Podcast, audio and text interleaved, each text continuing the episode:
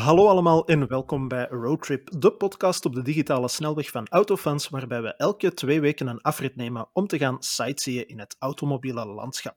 Ik ben Wim van Autofans en bij mij zit de man met wie praten het vertrekpunt van elk gesprek kennen is, maar nooit de eindbestemming, Yves Wouters. Hallo, hallo. En als een godheid stil aanwezig, maar hangend in de cloud en dus omnipresent en ons elke keer weer een stemgevend techniekgod Sven. Hallo, Lucas.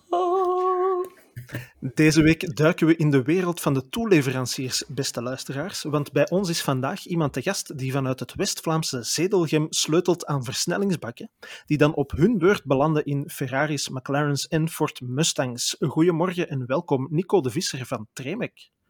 Goedemorgen. Nico, Dank u voor de om- uitnodiging. eh, met veel plezier. Ik ben blij dat het gelukt is, want het heeft eh, door de nodige vakantieperiodes aan ieders kant wel even geduurd. Hè. Het heeft, Ja, het heeft absoluut. een verzetje nodig gehad, hè? Voilà. Ja, En we zeggen het start, hè? Ik heb er veel vandaag. Voilà. Techniekgod Sven gaat hier een drum onder zetten, hè, onder die uitspraak. Padoemtsch. Eh, maar om dat van die Ford Mustangs misschien even te illustreren, Nico, wij zijn elkaar tegengekomen bij Ford in Lommel, ondertussen ook al, denk ik, een half jaar geleden, zoiets. ja inderdaad. Ehm, omdat jullie de manuele versnellingsbak voor de Mustang Mach-1 hebben gemaakt en de dubbele koppeling voor de Shelby GT500, als ik me niet vergis. hè? ja, dat klopt perfect. Voilà. Ja.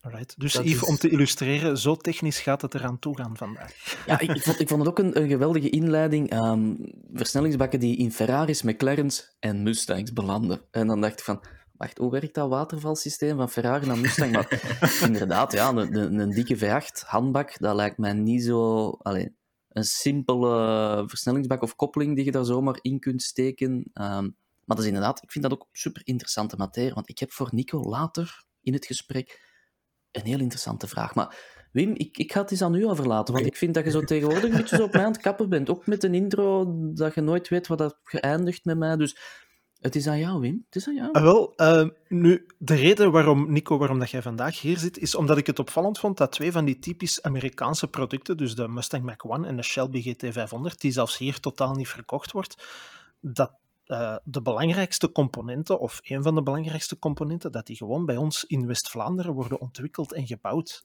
ja, En dat is... Ik denk dat weinig mensen dat weten, dat effectief die hub daarvan, dat die gewoon in Zedelgem zit. Dat klopt, dat klopt. En dat is eigenlijk eh, ja, iets waar we keihard aan werken om dat iets meer bekend te maken. Mhm. Omdat eh, dat, dat inderdaad eh, te weinig bekend is hier in, in de streek of, of hier in België. En dat wij daar ook moeilijkheden hebben eigenlijk om aan, aan mensen te geraken die, die hier komen werken. Dus Ah, ja. vandaar dat dat wel interessant is om dat een beetje meer bekend te maken. Ja. Ehm, het klopt. En dat is eigenlijk een, ehm, een hele historie die daarachter zit. Dus ehm, als we kijken eh, hier naar de, de Belgische afdeling, dan is die eigenlijk gestart in 2001. Eh, en zijn wij eigenlijk ehm, ja, beginnen werken aan systemen om eh, de versnellingsbakken van onder andere Ferrari aan te sturen. Ehm, maar dan niet de ontwikkeling van de volledige versnellingsbak. Dat Mhm. deden we toen nog niet als, als deel van Heurbiger, wat een Duitse firma is trouwens. Dus wij deden enkel de, de mechatronica eh, en de, de sturing van de versnellingsbak. En wij bouwden onze componenten dan in in eh, een versnellingsbak van Getra bijvoorbeeld, die dan eh, later in de Ferraris terecht kwam. Wat is mechatronica? Want dat klinkt echt wel heel Transformers. Dat klinkt Ja, misschien ook even als waarschuwing, Nico. Wij zijn alle twee technisch bijzonder zwak Ah, onderlegd. Wim. Praat voor jezelf, maar hij heeft wel gelijk. Ik ben technisch heel zwak onderlegd. Maar mechatronica, dat klinkt zo... Want zijn, ging dat dan over de, de, de automaten van Ferrari met de, de, De single dubbelkoppeling. clutch? Eh, Of de, Nee, nee, nee niet de single clutch, eh, de dubbelkoppeling. Dus eh, ons systeem zit in de Ferraris vanaf de California, Mhm. vanaf 2009, dus ook met de dubbele koppeling. Ehm, en de mechatronica is eigenlijk eh, de brug tussen de, de pure mechanica Mhm. en de aansturing. Ja. Eh, Dus de, de Dus, ECU eh, dan? Of hoe moet ik dat dan zien? Ja, niet alleen de ECU. Dus ECU is meer de logica en de software die, die alles beslist en, eh, en uiteindelijk wel eh, probeert aan te sturen. Maar de mechanica moet ook effectief aangestuurd worden. De, de componenten moeten bewegen, de clutch moet geactiveerd worden, net zoals dat je met je voet doet in een manuele versnellingsbak. of de, de versnellingspook moet uh, verzet worden, om het nu heel simpel Mhm, mhm. en in manuele termen uit te leggen. Dus die, die brug, dat is eigenlijk de mechatronica. Oké. Dus zowel, ehm, ja, typisch is dat dan elektrohydraulisch, om nog een moeilijke term te gebruiken. Ik ben nog mee. Ik ben nog Oké. mee. Eh, maar dat bevat dan ook de sensoren, ehm, zodanig dat de, ECU, zoals dat je zegt, zodat hij weet ehm, waar staat de koppeling, waar staan de versnellingen, ehm, zit de paarklok in bijvoorbeeld. Dus dat is eh, het, het volledige ja, aansturinggedeelte en het eh, sensorgedeelte. Dat is eigenlijk de, de mechatronica. Megatron, wat een geweld. Ik heb zo, dat is het geweld, dat is het woord van de dag voor mij, de mechatronica. Ik ga dat ook in elke winkel nu gebruiken waar ik vandaag nog kom. Zo. Maar kan ik betalen met mechatronica? Gewoon zo. Ah, ik vind het zo heel ethisch futuristisch klinken. Ja, hè? Ja, Alsof toch, het zo een, een arcade game is. Er is Ja, de Mechatronica. mechatronica. Ja, ik vind het ook wel. En, en hoe werkt dat dan juist? Ehm, komen producenten tot bij jullie en doen jullie de R&D daarvoor? En of, Ja. of hoe, ze hebben dan neem ik aan een wishlist van dit moet het kunnen wat jullie creëren? Of, of hoe zit dat dan juist? Ja, voor ons eh, is het zo dat we eigenlijk eh, niet echt een, eh, ja, een portfolio hebben van, van echt gewoon producten die je zomaar kan kopen en die Mhm. zijn wat ze zijn. Ehm, wij zijn meer ehm, ja, van het principe dat de klanten bij ons komen en dat die, zoals dat je zegt, een, een wishlist hebben en dat wij dan een product op maat maken. En zo zijn bijvoorbeeld eh, destijds Ferrari eh, bij ons gekomen, maar eh, ondertussen ook Ford Mustang, zoals dat je zei, voor de GT500, eh ja, dubbel clutch versnellingsbak. Maar ook Corvette, die had je nog niet vermeld.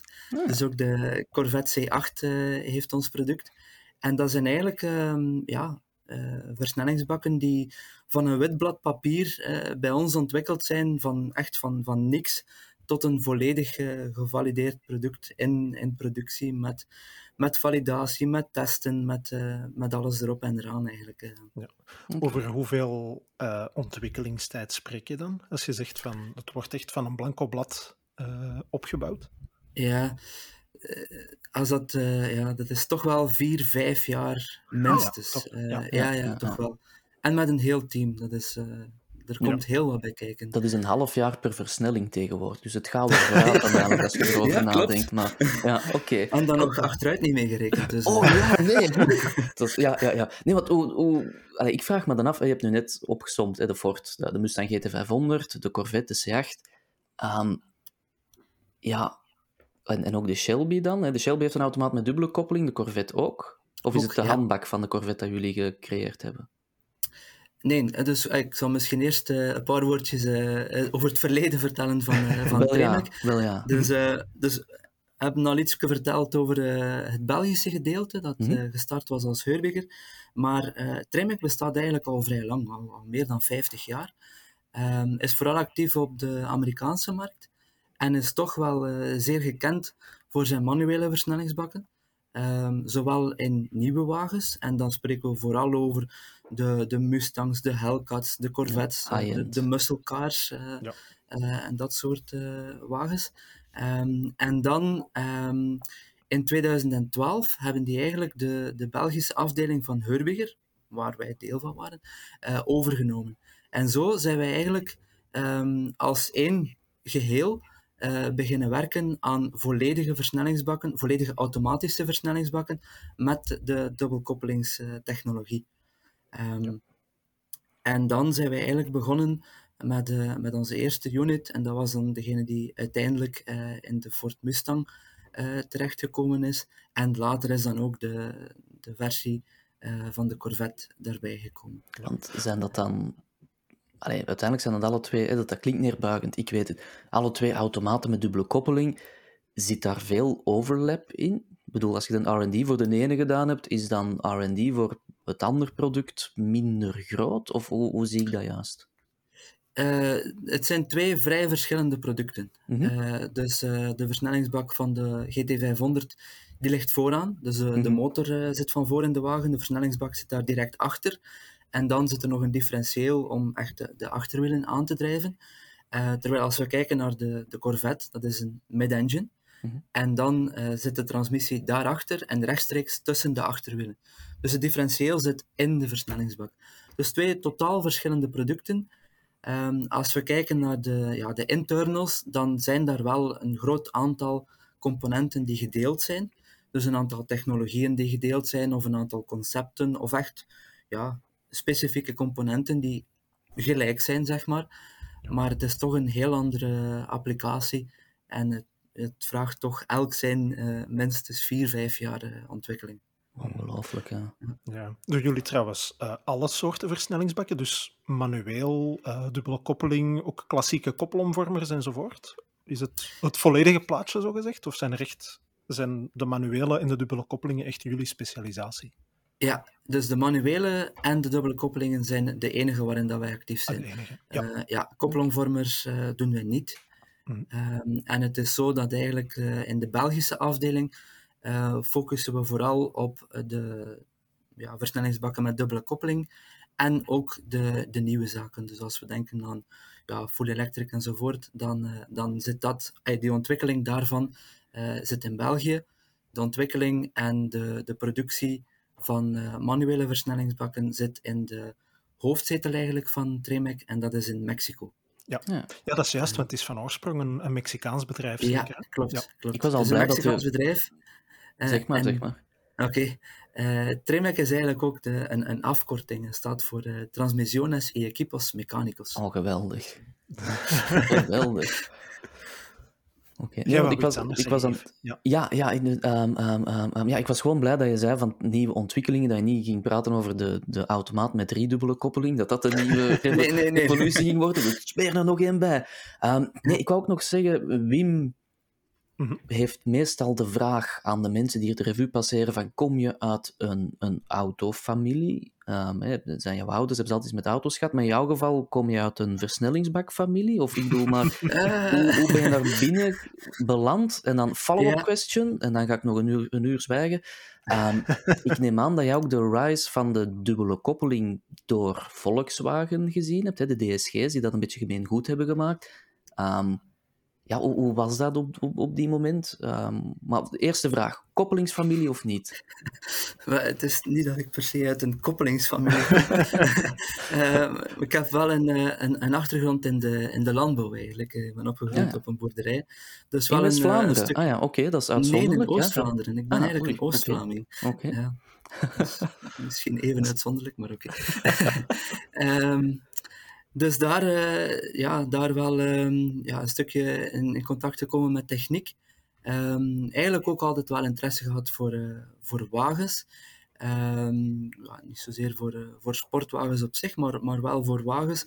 Als ik terugdenk als, als kleine jongen, was ik toch altijd, maakte ik er altijd een sport van om te kijken naar de achterlichten of, of gewoon de, lichten in het donker van, van wagens om te herkennen welke wagen dat het was. Dus eh, dat heeft er altijd wel eh, een stukje in gezeten. Ehm, maar dan toch eigenlijk wel gefascineerd door, eh, door de techniek. Ehm, ja, misschien in eerste instantie van, van, van tractoren. Ehm, en daar ook ja, verschillende jaren vakantiejob gedaan als, eh, als mechanieker eigenlijk aan, aan tractoren en landbouwmachines. Dus ja, daar toch wel die achtergrond. En dan ehm, in mijn laatste jaar eh, van de ingenieursopleiding eh, zag ik eigenlijk een vacature over de aansturing van, eh, van natte koppelingen. Ehm, en daar had ik, allee, natte koppelingen kende ik wel vanuit die achtergrond als, als mechanieker dan aan tractoren, want dat zit daar ook in eigenlijk. Mhm. En toen dat ik die vacature zag, dacht ik van ja, dat is het. Dus, en zo ben ik bij, bij Heurwiger terechtgekomen. En ja, dat is eigenlijk een beetje de, de start geweest van, eh, van alles. Als je, als je zegt eh, opgegroeid op een boerderij en interesse in auto's en zo, stond er een oude Opel Kadett in de schuur om mee te gaan crossen in de wei? Of, eh? Het was een Ascona. Ah, kijk, voilà. Ik wist dat een Opel was. Zoiets zijn. Ja, ja, Ja, ja. ja, ja. Het was een Ascona. Ja. Oh, Maar het klopt wel. eh. Het is erg, hè, Ja. jezelf tegenkomen, Nico. Dat is erg. hè. Ja, ja, ja, inderdaad. Ja. Nee, maar we, we gingen het vriendelijk houden. Hè. We gingen- Natuurlijk, maar dat is niks mis mee. Dus ik, ik, ik, Nee, nee, ik ben er altijd absoluut. jaloers op geweest. Op, op Tuurlijk. kinderen, jongeren die zo op een natuurlijke manier in, in zoiets ingerold zijn. Dus ook de mechaniek. Ik heb altijd zo, ook als ik een tractor zie, denk van dat moet toch, allee, ja, dat is toch geweldig gewoon om dat thuis te kunnen hebben als kind, dan normaal te vinden dat dat bestaat bij u thuis. En, en dat is ook in zekere zin, denk ik, een soort techniek in een elementaire vorm. Hè. Dat is een, een, allee, een soort basis, allee, een, een relatief simpel, allee, simpel is misschien ja. oneerbiedig, maar toch... Is dat, allee, is dat simpeler dan tractor of gewoon alles is zwaarder? Alles is zwaarder. Ik denk dat daar ook eh, heel veel evolutie uh, in gebeurd is. Als we kijken, ja, vroeger was het inderdaad heel simpel. Uh, was het eigenlijk de, ja, de basics, motor, een basisversnellingsbak en, en, en, dan ja, rechtstreeks naar de wielen eigenlijk. Maar ondertussen is dat ook wel enorm geëvolueerd. Um, waar dat we vroeger als, als klein kind, uh, kom eigenlijk uit de landbouwfamilie, en ik kon gewoon in de, in de tractor stappen van, van mijn onkel en dat was dan een ander merk en dat was dan helemaal anders. Maar dat was direct duidelijk waar dat je die moest starten en hoe dat je daar moest mee beginnen rijden. Maar als we nu zien, die tractoren, ja, die recente tractoren, als dat een ander merk is, dan stap je daarin en dan heb je zoiets van, ja. Ik weet hier niet direct waar dat ik moet op duwen of, of, of hoe dat ik moet rijden met die tractor. Dat is, dat is enorm, uh, enorm geëvolueerd. Ja, want, want voor de goede dus- orde, Tremec die maken geen versnellingsbakken voor vrachtwagens of tractoren? Of... We maken geen versnellingsbakken voor uh, vrachtwagens en tractoren, maar in Mexico is er wel een heel belangrijk stuk van onze business eigenlijk, is om componenten te maken, uh, zowel voor um, ja, vrachtwagens als voor tractoren. Ja. Dus we maken heel veel uh, ja, gears en assen um, als toeleverancier voor ja, versnellingsbakken voor vrachtwagens en tractoren. Okay. Okay. En, ja, en ik... recreatievoertuigen en, en andere. Dus een heel breed gamma. Ja, want ik vraag me dan nog altijd af. Um, ik bedoel, Brembo, dat is, dat is een andere sector, I know, maar die staan bijvoorbeeld op elke internationale autosalons nieuwe technologie te showen en contacten te leggen hoe belandt Ferrari of McLaren of Ford zo... Ja, allee, zeker Ferrari, is dat dan... Hoe belanden die bij jullie? Is dat door een contact? Dat moet toch... Als je zelf niet... Hoe, hoe werkt dat? Ja, dat is, uh, sowieso zijn er een aantal beurzen mm -hmm. die dan specifiek over uh, drivetrain gaan. De boitebeurs, uh, ja. Ja, ja bijvoorbeeld, ja. Uh, ja, ze zijn er toch een aantal... Uh... Sorry. Ja, ja Wat nog beter geweest, sorry. Ja, nee, ja, ja, Ik ga zwijgen. Laat de man praten. Ja, ja. ga verder, Nico, sorry. Uh, dus er zijn een aantal van die beurzen en uiteraard zijn er ook ja, contacten en, en gaan wij ook hebben wij ook ja, een commerciële afdeling die dan actief op zoek gaat of actief uh, de Ferraris uh, van deze wereld uh, gaat aanspreken. Mm -hmm. um, en ik denk dat in het geval van Ford hebben, hebben wij bijvoorbeeld al een, ja, een hele lange mm -hmm. historie van, van samenwerking daar op het vlak van de manuele versnellingsbakken. Dus dan zijn de contacten snel gelegd. Um, en ik, allee, bijvoorbeeld in dat geval hebben we dan ook een, een demonstratie gedaan bij Ford van de technologie in een Mustang. En, en zo was dat eigenlijk vrij snel overtuigd, beklonken. over, ja, beklonken inderdaad. Dus, maar dat moet dan toch inderdaad zo voorgesteld worden in zo'n soort van um, monster van Frankenstein-auto's? Ja, dat is zo. Ja. ja. Dat is zo. En, en we hebben er al uh, verschillende gehad. Van, uh, van auto's die um, ergens een chassis hebben of een, een nieuw chassis. Waarin dat dan uh, een, een nieuwe motor of een bestaande motor met een nieuwe versnellingsbak. En dan een carrosserie van een andere wagen die dan ja, in vier stukken gezaagd wordt om te passen op het formaat van het chassis. En we hebben, ja, we hebben al heel uiteenlopende um, ja, Frankenstein-wagens gehad om onze producten te testen en te demonstreren. Want uiteraard, allee, mechaniek is één deel, um, maar de aansturing daarvan, hè, met het heel coole woord, en de, de ECU, um, ik kan me inbeelden, als, als een merk zegt van kom eens langs om je wat te showen, dat klinkt zo raar, um, ja, je moet dat eigenlijk afstellen ook aan het motorblok en het, en het koppelen. Het ver, hoe, hoe, hoe zit, dat kan dan toch nooit goed rijden, de eerste iteratie daarvan? Of hoe werkt dat juist?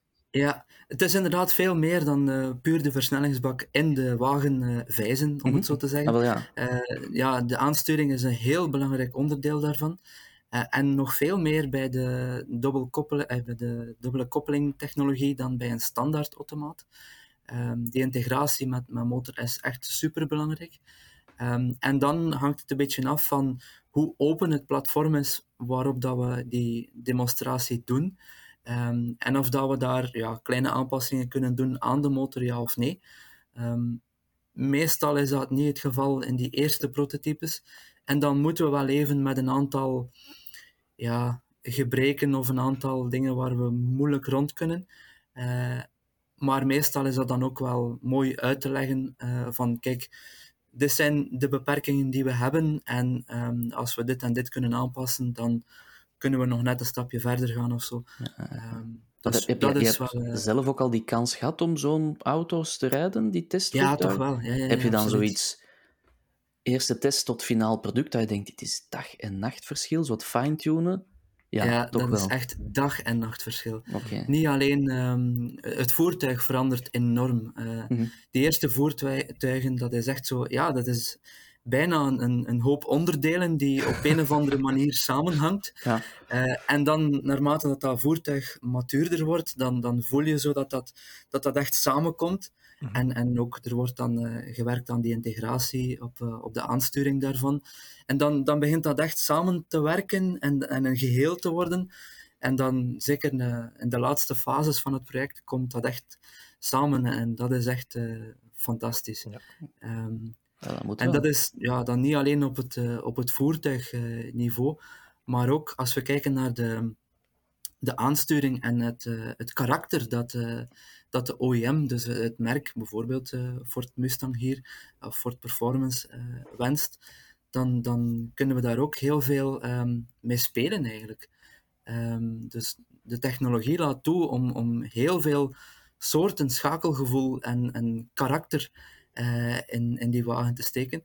En dan, dan werken wij ook heel nauw samen met bijvoorbeeld Ford of, of of General Motors voor Corvette of, of Ferrari, om te bepalen van ja, welk gevoel, welk karakter, welk DNA eh, moet die wagen hebben en, en hoe kunnen we dat daarin steken. En dan um, hebben wij sessies waarbij dat we bijvoorbeeld een aantal schakelgevoelen uitwerken en, en tonen uh, aan onze klant. En dat we dan samen um, bepalen van ja, dat is iets wat bij die wagen past. Of dat past niet bij die wagen. We willen iets meer gevoel, we willen een ander gevoel. En zo werken we ja, maandenlang om, om het gevoel te laten passen met het karakter van die wagen. Ja, want hoe, hoe werkt dat eigenlijk? Je leest vaak in persberichten bij facelifts of whatever van de ingenieurs hebben de versnellingsbak 0,2 seconden sneller. Zijn dat echt ingenieurs van het merk? Of, allez, want dat, dat is precies zo soms lof opstrijken waarvan ik denk van, maar wacht, is dat wel intern of is dat eigenlijk de versnellingsbakkenboer dat dat voor u heeft opgelost eigenlijk? Toch? Ja, het is, het is, een combinatie. Het is echt een samenwerking. Okay. Um, ehm, want de, de, versnellingsbak die hangt heel nauw samen met de motor. En um, soms is um, ja, soms wordt er nogal snel gekeken naar, oh, dat was een, uh, een slechte shift, dat is de schuld van de versnellingsbak. Dat is niet altijd waar. Okay. Uh, dat is soms ook de, de samenwerking tussen motor en versnellingsbak. Okay. Uh, en dus als er iets um, echt een, ja, die 0,2 seconden sneller bijvoorbeeld, dat kan perfect zijn dat dat echt de samenwerking is tussen motor en versnellingsbak om dat resultaat te bereiken. Dus het is echt uh, het, het, team van, van het engine team eigenlijk, in samenwerking met het versnellingsbakkenteam, dat uh, die, die resultaten kan bereiken. Ah, ja. Nu, het is tijd voor, allez, voor mij toch, voor de olifant in de kamer. Ja. Dubbele koppeling, Volkswagen, DSG. Laat ons zeggen dat zij toch wel een beetje de, de, de Tesla onder de automaatsector geweest zijn die dat gemeen goed gemaakt hebben. Um, ik denk dat dat was de, op de MK4 Golf, hè, was dat voor het eerst getoond. Op de R32, was een eerste in serie productie DSG. Ja. Was Stremek daar toen ook al mee bezig? Was dat iets dat zo in de lucht hing van dit is iets dat iets gaat worden? Of kwam dat volledig out of the blue van wat is dit? Uh, ik denk dat we daar wel mee bezig waren. Dat is mm -hmm. net van voor mijn tijd. Mm -hmm. Maar we waren er op die moment uh, absoluut mee bezig. Um, het is nooit de bedoeling geweest van, van Heurbiger of Tremek om um, in de, de markt van de Volkswagens uh, terecht te komen. Mm -hmm. Dus uh, wij zijn zowel als Heurbeger als als Tremec altijd gefocust geweest, en nog steeds trouwens, op de low volume en high performance markt. Ja. Dus ehm, niet zo ja, de, de, de mainstream wagens, maar echt de, de lagere volumes en de, ja, de hoge performance. Ja. Ehm, en, en dan ja, fun to drive en. en uh, ja, want ik, ik zie ook, als ik Tremec hoor, denk ik altijd aan zo'n een, een, een drag race Mustang met zo'n sequentiële bak in waar dan zo Tremec op staat. Dan denk ik van ja, is zo mannelijk. Zo, ja.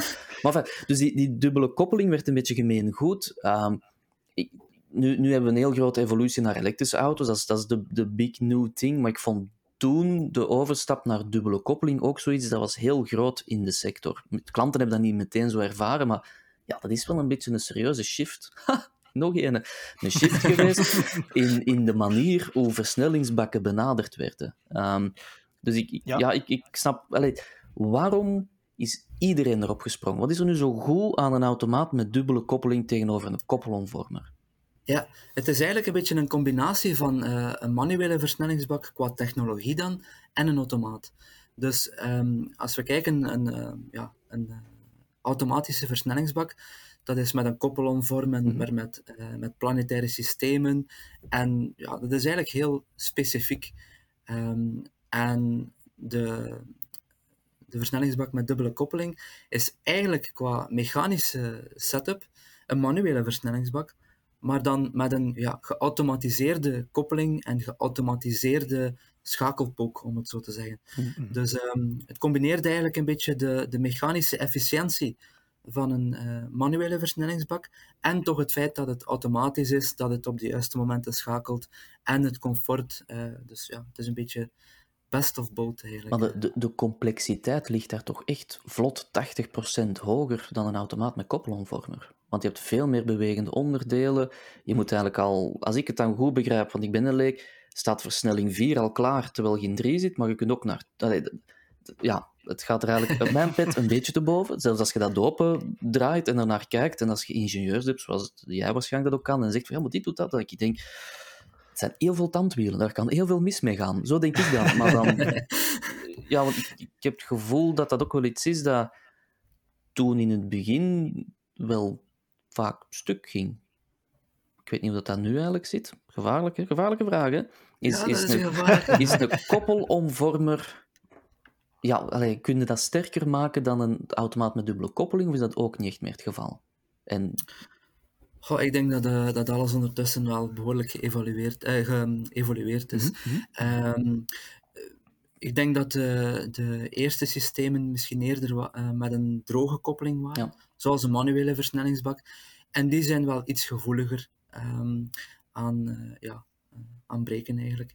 Um, maar als we kijken naar, de, naar onze, onze systemen bijvoorbeeld, die hebben allemaal ja, natte plaatkoppelingen. Mm -hmm. Dus die, die koppelingen worden ja, gesmeerd, maar vooral ook gekoeld. En die kunnen echt wel tegen een stootje. Wat, wat is dan het, het voordeel van een droge prijs? Uh, prijs is absoluut ja. een heel belangrijk punt. Um, maar ook um, ja, uh, efficiëntie is eigenlijk ook wel een punt. Top. Omdat een, een, droge koppeling in situ is, ja, doet die eigenlijk niks. Uh, terwijl sommige natte koppelingen, als die olie blijven in het rond gooien, Mhm. mm -hmm. uh, eigenlijk, dan uh, creëert dat wel een deel verliezen. Okay. Uh, nu, dat is ondertussen ook allemaal voilà, opgelost, voilà, ja. omdat de olie bijvoorbeeld in onze versnellingsbak, die wordt dan alleen maar gestuurd op het moment dat de koppeling slipt en gekoeld oh, ja. moet worden. Ja. En op andere momenten is dat eigenlijk bijna een droge koppeling. Oké, okay, ja, want dat is wel... Allee, ik weet dat nog, in de begintijden had je... Um, en ik, ik, val weer terug tot de Volkswagen-groep. Had je de DSG7 met droge koppeling en dan de DSG6 met natte koppeling in hetzelfde product. En dan had ik ook zoiets van: maar wat is wat? Is nu 7 droog omdat dat minder koppel aan moet kunnen? Heeft dat ook iets met koppel te maken, de hoeveelheid koppel of niet echt? Dat je beter naar nat gaat vanaf een hoeveelheid koppel? Dat gaat er ongetwijfeld mee te maken hebben. Toch, uh, ja. Voor, uh, ja, ja, absoluut. Omdat je heel veel hitte Uh, voor- creëert anders. Die... Ja, klopt. Ja. Dus als we kijken naar ehm, ja, zo'n sportwagen die, eh, die vertrekt vanuit stilstand, daar komt wel enorm veel ehm, ja, power eh, Mhm. vrij. En die koppeling die, ja, die zit daar wel af. Ehm, zeker als het een droge koppeling is. Oh ja, want, want ik weet ook, hè, wij spreken dat altijd, wij spreken altijd over dat het, aantal... te koelen, maar Mhm. Ja. Ja, we spreken altijd over het aantal newtonmeters koppel dat een auto heeft, maar ik kan me inbeelden vanuit stilstand, launch control, de kracht, het, het aantal newtonmeter dat op een koppeling gestoken wordt, is niet die 600 newtonmeter of 650 newtonmeter koppel. Hè. Dat, is, dat is toch veel, dat moet toch gigantisch veel groter zijn? Of zie ik dat nu verkeerd helemaal? Eh, nee, dat is, ai, dat is eigenlijk wel die 650 Toch? newtonmeter. Ja, toch wel. Maar het, eh, het verschil is dat er heel veel slip zit in de koppeling. Mhm. Dus die motor draait dan 3000 toeren, 4000 toeren. eh, en de, de uitgang van de koppeling die staat eigenlijk nog stil. Ah, ja. Eh, dus het is eigenlijk ehm, ja, het vermogen dat in de koppeling eh, terechtkomt, is eigenlijk koppel maal slip. En dat Ja. is wel heel aanzienlijk. Ja, voilà, voilà, voilà. Ah, oké, oké. Zeg, en, en je krijgt het direct terug je hoor, Wim. Ehm, hoe, hoe sta jij tegenover... Ik had het gevoel, eenmaal als de dubbele koppeling een ding was, ehm, was de volgende evolutie in automatenland meer versnellingen. We gaan naar 7, we gaan naar 8, we gaan naar 10. Ik weet niet, is, zitten we al boven 10 ergens in, in de autosector? denk, denk klassieke automaten nee. zitten nu aan 10 verzet. 10, hè? Want Ja. de, de Mustang heb je ook met 10 versnellingen. Ja. Hè? Is dat dat is dan een Automaat. Ja, Ja. voilà. Hè? Maar dus dubbele koppeling gaat maximaal tot 8. 8. Hè? En is, is Ja. dat een, een technische, omdat dat ook langer wordt, neem ik aan, om meer versnellen? Hoe, hoe moet ik dat zien? Voor, eh, voor dubbele koppeling is eigenlijk eh 7 een heel mooi getal. Omdat eh 7 plus achteruit eh, is 8. Mhm, mhm, mhm. Eh, en 8 is mooi deelbaar door 2. ja. Ehm, omdat het idee van een dubbele Twee koppeling... Ja, Ja, ja, ja. Twee koppelingen. Ja, ik ben Twee koppelingen. Zo eh, simpel is het, En, en, twee halve versnellingsbakken eigenlijk. Mhm. Eh, dus ja, Dat is complex. In een... Nou, nee, het is, het is complex. in een, in een eh, dubbele koppelingsversnellingsbak zitten eigenlijk alle even versnellingen op één koppeling Mhm. en alle oneven versnellingen op de andere Mhm. koppeling. Ehm, Zitten, zitten achteruit dan bij de even versnellingen? klopt. Ja, Ja. hè? Oh, Ja. Jongens toch. Het lijkt of ik ken er iets van. Oké, Ja. Cool. Dus, dus naar, naar, ehm, eh, naar controle en, en inbouw in de versnellingsbak is dat eigenlijk een, een heel mooi getal, 7 plus 1. Oké. Ehm, als je daar dan een achtste versnelling bij steekt, dan zit je eigenlijk met een aparte actuatie om één gear eh, apart te bedienen. Dat kan achtste zijn, dat kan eigenlijk ook een andere zijn, maar meestal is dat wel achtste. Ehm, en ja, eigenlijk heeft meer eigenlijk echt geen Geen zin. zin. Nee. nee. Zeg, kan je me ook eens de, de mythe uitleggen van de achteruit?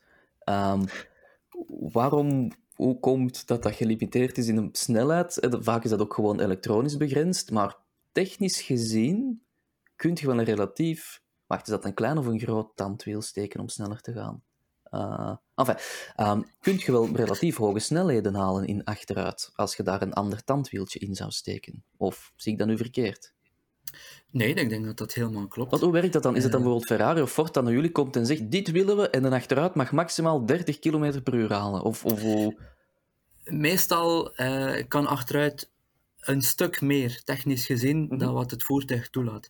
Meestal is er elektronische begrenzing op Ja, achteruit. voilà. Dus gaan we eigenlijk gewoon het, eh, het koppel of het toerental van de motor beperken in achteruit om bijvoorbeeld 30 of 50 km per uur eh, als limiet te hebben in achteruit. Dat wilde nu toch zien eigenlijk. hè? Zo'n auto die Stiekem, hè? achteruit veel sneller gaat dan 50 per uur. Ja, het is, we zijn bijna op, op bij de DAFjes beland. Maar ja, inderdaad, het is wel. Het is wel. Nee, want ik vind dat dan ook. allee, ik merk dan ook bij sommige auto's die ik thuis heb, dat de, de achteruit, hè, zoals we dat noemen in geen vaktermen, maar in straattaal, dat is een klein verzetje. Hè. Je maakt snel heel veel toeren, maar veel, allee, heel snel achteruit gaat dat niet. Dus dat, dat Goh, insinueert als we ook. kijken naar, naar onze producten, Ja. dan is achteruit ergens eh, tussen de eerste versnelling en tweede, maar eerder richting tweede. Maar je, daar is echt een apart tandwieltje voor. Dat is niet is dat je zegt, we nemen het eerste of het tweede en we dupliceren dan, en dat is hetgeen voor achteruit. Nee, dat is ook een aparte verhouding.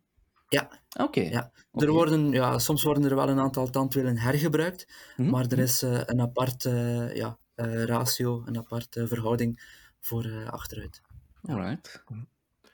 Right. We hadden het daarnet over ehm, ja, een beetje de moeilijkheden, niet zozeer, maar zo de dingen van, ja, er komt heel veel koppel bij kijken. Die launch controls zijn dingen die vandaag ook heel vaak opduiken.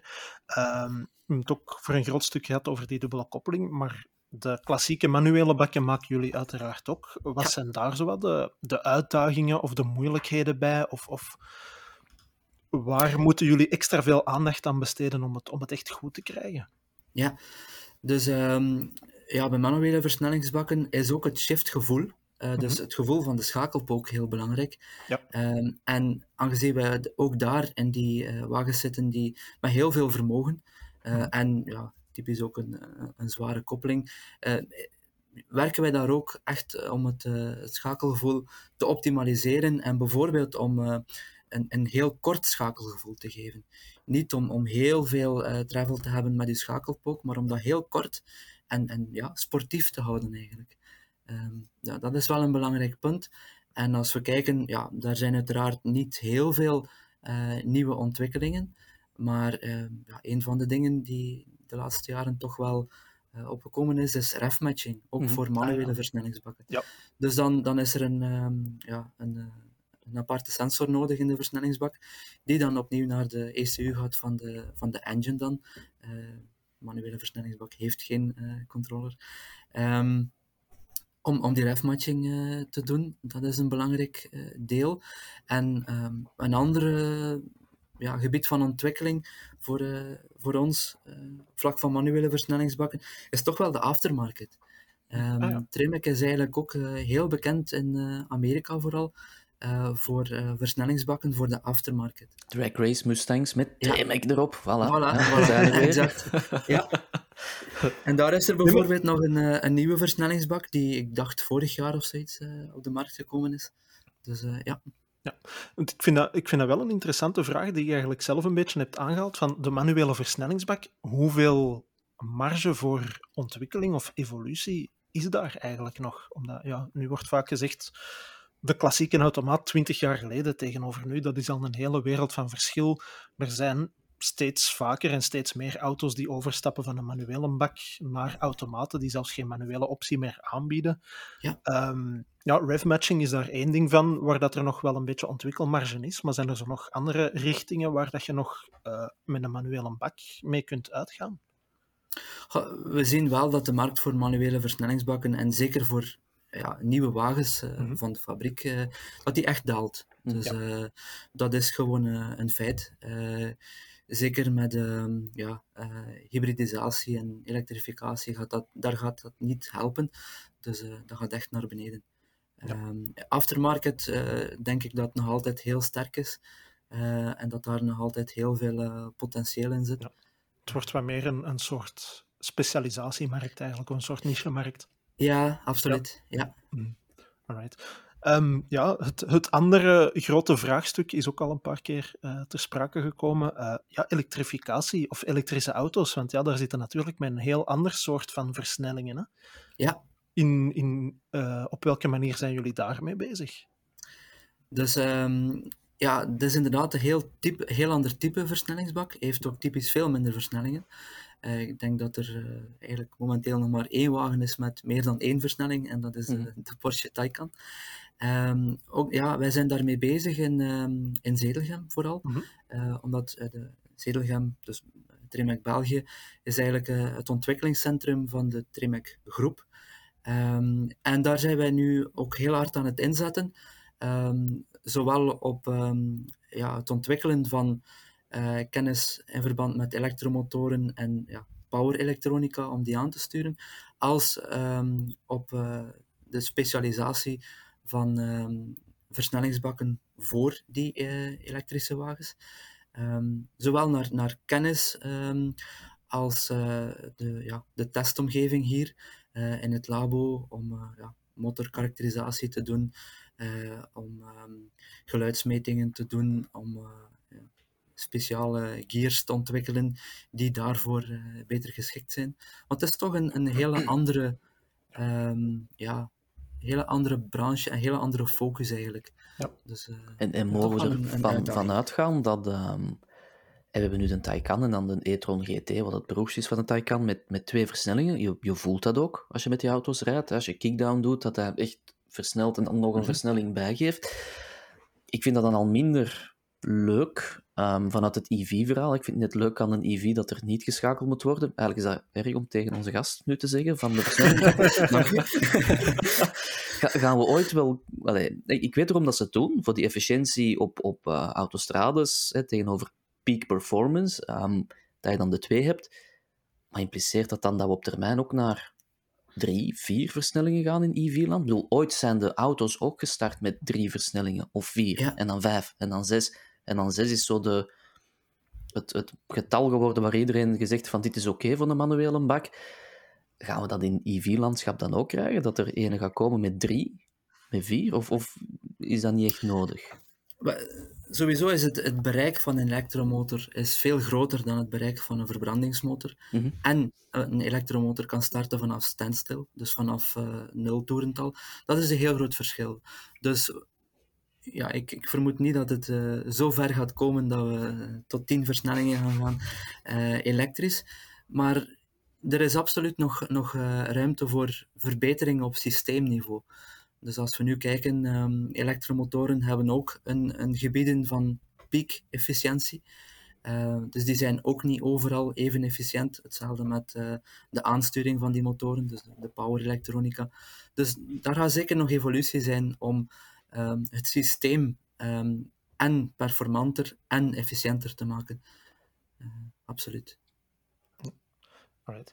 Um, wat maakt voor de specialist eigenlijk een goede versnellingsbak? Want wij zeggen vaak, ja, een manuele bak, je zei er straks ook even, als de, de travel kort is, uh, als het schakelgevoel goed zit, dan zeggen wij als, als de recensenten zo gezegd van dat is een goede versnellingsbak. Uh, bijna een dubbele koppeling. Als de reactiesnelheid inderdaad, als je aan de pedal trekt en hij zit meteen in het volgende verzet, dan is dat voor ja. ons ook prima. Maar hoe kijken de specialisten daarnaar? Hoe kijken jullie naar dat is een goede versnellingsbak? Dat is een mindere, daar is nog werk aan. Of dat is niet wat het moet zijn. Wat zijn jullie criteria? Ja, uh, voor mij persoonlijk is dat zeker de fun to drive. Uh, ja. ik, ik, ben uh, allee, de voorbije jaren zeer actief geweest in de drivability mm. van onze producten en, en echt die fun to drive. En het is zoals je zegt, dus, als je met die wagen rijdt, dan, dan moet die, op het moment dat je een, een gear vraagt, dan moet die er onmiddellijk zijn. als die ja, het juiste gevoel geeft, als die ervoor zorgt dat de, dat de engine een mooi lawaai maakt, een, een, een plof in de uitlaat of, of een, een mooie um, refmatching, uh, dat soort dingen, dat, dat, maakt, het, uh, dat maakt het leuk. Uh, mm -hmm. Want ja.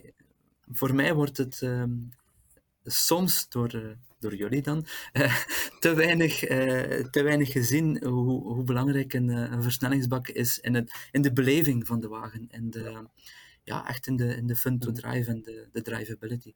Ja, want wat voor mij daar ook een hele belangrijke is, en we hebben het nu altijd gehad over zelf schakelen, of zoals bij dubbele koppeling met de flippers, maar voor mij wordt vaak een automaat gemaakt of gekraakt door letterlijk het ding in drive te zetten en te zien hm. hoe de computer, het brein, omgaat met situaties day-to-day. -day. Als je, ja. ook, bedoel, er, zijn, er zijn auto's waar dat je gewoon even de, pedaal, de gaspedaal kunt, kunt en een korte tik geven en hij schakelt twee versnellingen al terug, omdat hij weet, je wilt iets doen.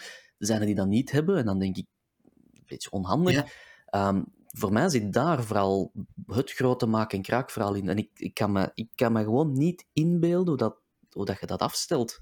Een automaat in drive dat met een geheugen moet weten, zeker nu ook met, met, met, met radarsensoren, met, met navigatie, die mm -hmm. weet van er komt een bocht aan en misschien schakelt hij al terug. Allee, dat, is, dat is absurd eigenlijk.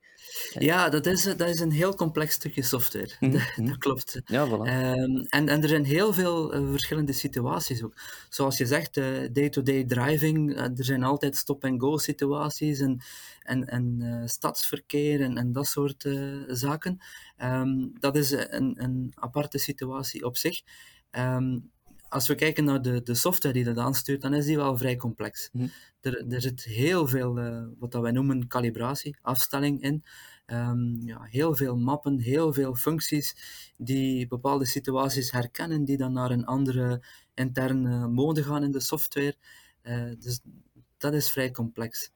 Um, maar is dat dan echt op een, op een codeniveau van, van if G-kracht is minder dan zoveel en stuurhoeksensor zit aan 30 graden en snelheid is plus 20, schakel terug? Of hoe moet ik dat zien? Werkt dat echt op dat niveau? Allee, nog veel complexer waarschijnlijk, maar... Nog veel complexer, ja. echt op dat Ja. niveau, ja. Oké, ja, zo zou mijn automaat werken. Oké. Ik vind dat al behoorlijk complex. Ja, dank je, dank je. Maar blijkbaar zijn we dan nog dolhangen niet. Maar oké, ja. Ja, nee, nee, klopt. Eh, en, en dan ehm, de, de mode heeft ook een hele belangrijke invloed. Dus typisch heb je dan eh, een GT-mode of normal of ja, Eco, wet of ja. ik weet niet, eco. Ja. Ehm, en dan heb je sport en dan heb je track. Eh, en dat zijn ook eh, heel andere ehm, ja, instellingen en, en een heel andere ehm, ja, m- mentaliteit eigenlijk ook, Mhm. die we dan in, in calibratie gaan toepassen. Dus ehm, als, we, als we dan naar ja, typisch eco gaan we dan iets vroeger schakelen om iets ecologischer te zijn, om eh, ja, iets eh, lager toerental van de motor te hebben, zodanig dat die efficiënter zijn, eh, zijn ding kan doen.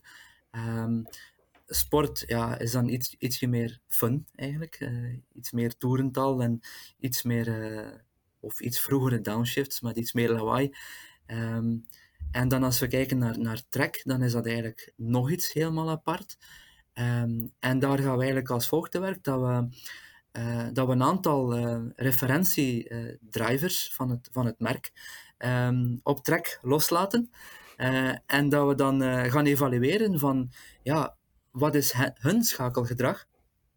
En dat we dan eh, proberen in software dat na te bootsen.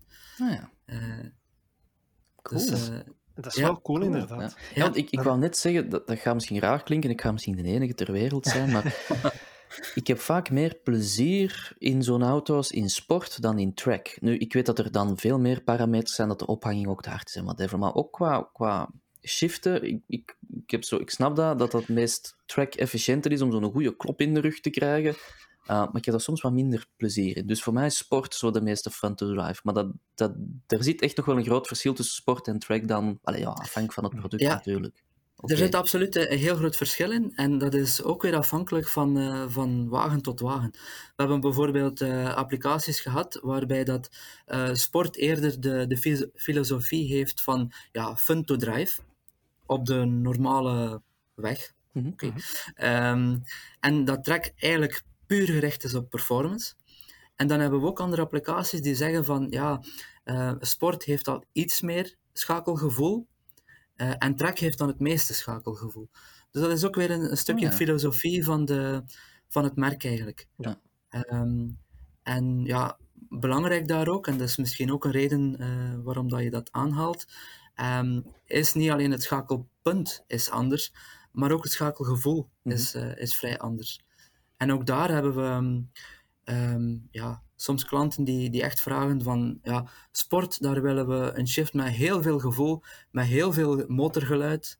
Ehm, en dat mag iets minder ja, performant zijn eigenlijk, Ja. als het maar leuk is. In het koppeke moet het zitten, zo de shift. Voilà, Ja, voilà. ja. Echt, echt die fun er, eh, eruit halen. Ehm, waarbij dan track, dat we dan veel minder eh, focussen op, op die fun. En dan misschien een iets minder aangenaam gevoel creëren, maar echt wel alle performance uit het Mhm. systeem halen. En, en die, die duw in uw rug geven, eh, zoals dat je zegt. Zijn jullie trouwens ook actief in de racerij? Dat moet toch wel? Wij zelf op zich niet. Nee, Eh, de- jullie, jullie versnellingsbakken worden gebruikt in de racerij. Of, of hè, zoals de aftermarkets, die, die zullen die dan wel Ah, ja, ja, ja. ja op die absoluut, manier. ja. Ja, ja, oké. Ja. want je zegt zelf Ja. dat jullie ehm, een, een versnellingsbak dan voor de aftermarket market hebben. Ehm, ik neem aan dat dat is dat dan. Hoe moet ik dat zeggen? Ik wil niet de term gewoon, want gewoon niks is gewoon met versterkte internals? Of hoe, is dat echt een compleet verschillend concept? Of hoe moet ik dat juist zien dan? Ik denk niet dat daar iets eh speciaals aan is. Eh, onze versnellingsbakken zijn eigenlijk sowieso al gefocust op die high-performance eh, markt. Dus die, die kunnen wel tegen een stootje. Ja, heb je zo van die, van die toogcijfers zo om subtiel zo mee uit te pakken? Zo van, ja, weet je, wij maken versnellingsbakken die ja, 3000 newtonmeter koppel aan kunnen of zo. zo gewoon zoiets. Is, zijn, er zo, zijn er cijfers, wat dat, een, een maximaal cijfer, dat morgen een merk bij jullie komt en zegt, wij kunnen dat? Of heeft dat ook gewoon met R&D te maken dan? Eh, dat heeft absoluut met R&D te maken, eh, absoluut. Maar ik denk dat, er, ehm, dat wij, allee, dat ik gerust kan zeggen dat we applicaties hebben die tot, ja, tot richting 1000 pk gaan.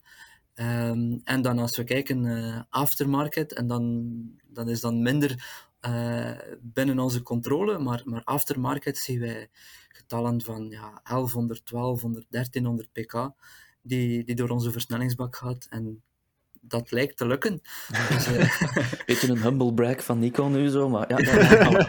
voilà. Nu heeft, heeft um, PK of koppel de grootste invloed op de, um, de levensduur van een versnellingsbak? Toch wel het koppel, neem ik aan. Uh, ja, koppel is, um, is een heel belangrijke factor, maar uh, uiteindelijk is, uh, is PK een combinatie van, van koppel en snelheid. Mm -hmm. um, dus eigenlijk gaat, uh, gaat vermogen ook wel ja, de meeste invloed hebben op levensduur. Ja, toch. Mhm. Oké. Okay. Mhm. okay. Want hoe werkt die validatie? Want je hebt, je hebt allez, auto's zijn vier, vijf jaar in ontwikkeling. Um, jullie zitten dan soms vroeg mee in dat proces, neem ik aan. Um, ja, bij ons is dat ook altijd de vraag, is dat een betrouwbare auto? Wij, wij, zijn, wij kunnen totaal niet... Allez, ik ga voor mezelf... Ik kan totaal niet oordelen over nieuwe auto's dat die betrouwbaar zijn of niet, want letterlijk betrouwbaarheid moet zich bewijzen over de, de tijd. Hè? Ja. Dus ja. daarom mhm. koop ik veel oude auto's om te kunnen zeggen dat ze niet betrouwbaar zijn. Shout-out naar de Citroën Cactus. Um, ja, moest, moest die een bad hebben van Tremec, ik zou hem nog altijd bij hebben gehouden, Wim. Maar goed, dat is een ander verhaal. Ja. Um, ja, hoe, hoe, hoe, wordt dat gevalideerd van dit is betrouwbaar? Wordt dat gewoon op cijfers gebaseerd van deze bad kan 1000 Nm koppel aan, hij moet 650 um, of, of 400 pk, um, alleen met de motor in samenwerking, is dat dan zo? Werkt dat juist? Er is een, een heel belangrijk deel uh, berekeningen. Dus wij krijgen sowieso van onze klant, Ford, Ferrari, krijgen wij een specificatie van die wagen moet zoveel kilometer uh, zoveel kilometer, bijvoorbeeld staatsverkeer, of zoveel kilometer op trek en zoveel kilometer um, van dit. Uh, wij krijgen daar een hele specificatie van, van wat dat die versnellingsbak moet overleven. Uh, en dat is dan een heel belangrijke input voor berekeningen, uh, want alles wordt ja, heel sterk berekend, um, ook naar levensduur, niet alleen naar gewoon sterkte, maar echt ook naar levensduur. En dan sowieso wordt, wordt dat ook gevalideerd. Um, validatie op, op verschillende vlakken. Zowel componenten die dan uren of, of dagen op een, uh, op een, of weken zelfs, uh, op een teststand staan uh, en, en ja, continu een, een, een, deel vermogen of, of koppel zien um, om te valideren. Maar ook op, op systemen, deelsystemen van de versnellingsbak en ook op volledige versnellingsbakken. Dus dat wordt toch echt wel heel grondig gevalideerd. Kunnen we dan ook stellen dat producten van Tremec een beetje overbuild zijn vaak voor de applicatie? Of hoe moet ik... Want dat is natuurlijk... Je hebt kostefficiëntie, je hebt, je hebt performance of, of durability. Ik kan me inbeelden dat bepaalde merken een wat maken die net binnen de parameters valt om 50 cent te besparen en op een paar miljoen auto's, wordt dat wel een getal. Ja. Zijn ze bij jullie een beetje overbuild? Of is dat van nature altijd een beetje overbuild, de versnellingsbak? Of het is natuurlijk een hele andere markt. Hè. En zoals dat? je zegt, als je uh, over miljoenen uh, versnellingsbakken begint te spreken, dan telt elke cent. Mm -hmm. uh, bij ons is dat iets minder het geval. Um, nu, kost blijft natuurlijk belangrijk, omdat uiteindelijk alle ontwikkelingskosten moet ook gedeeld worden door een lager aantal. Dus dat, dat wordt ook wel aanzienlijk. Um, maar inderdaad, als we kijken naar naar componenten uh, en, en kost van componenten, dan is dat iets minder belangrijk en gaat dat soms iets ja, beter, uh, om het zo te zeggen, uitgevoerd worden dan in die ja, hoge massa producten. dat is wel zo. Kunnen we gezien dat ik laatst met mijn SLK op onderhoud moest en dat er een beetje over de wat gesproken werd. Ik wil geen... Ik moet niks hebben, ze. Uh, Hier gaan we weer. Nee, nee, ik uit, uit journalistieke interesse. Hè, die heeft een, een kleine 310.000 kilometer. Um, dat, is, dat, is een, ja, dat, is, dat is een vijfbak koppelomvormer, maar van, van de Mercedes Buscus van toen, dus je kan dat wel aan. Um, mijn vraag is eigenlijk anders. Hè. Um, ik, ja, ik wou gewoon weten... Pak nu de, de Shelby GT, die bad met dubbele koppeling mogen wij weten, wat, wat kost dat eigenlijk, zo'n bad? Hoe, hoe, duur is dat in het Ik vind het altijd interessant om te weten, zo, wat, wat kost nu eigenlijk een automaat met dubbele koppeling voor een Ferrari of, of zo'n high-performance Ford? Is dat 7000 euro, is dat 15.000 euro? Ik, ik heb daar gewoon totaal geen idee van wat dat moet kosten.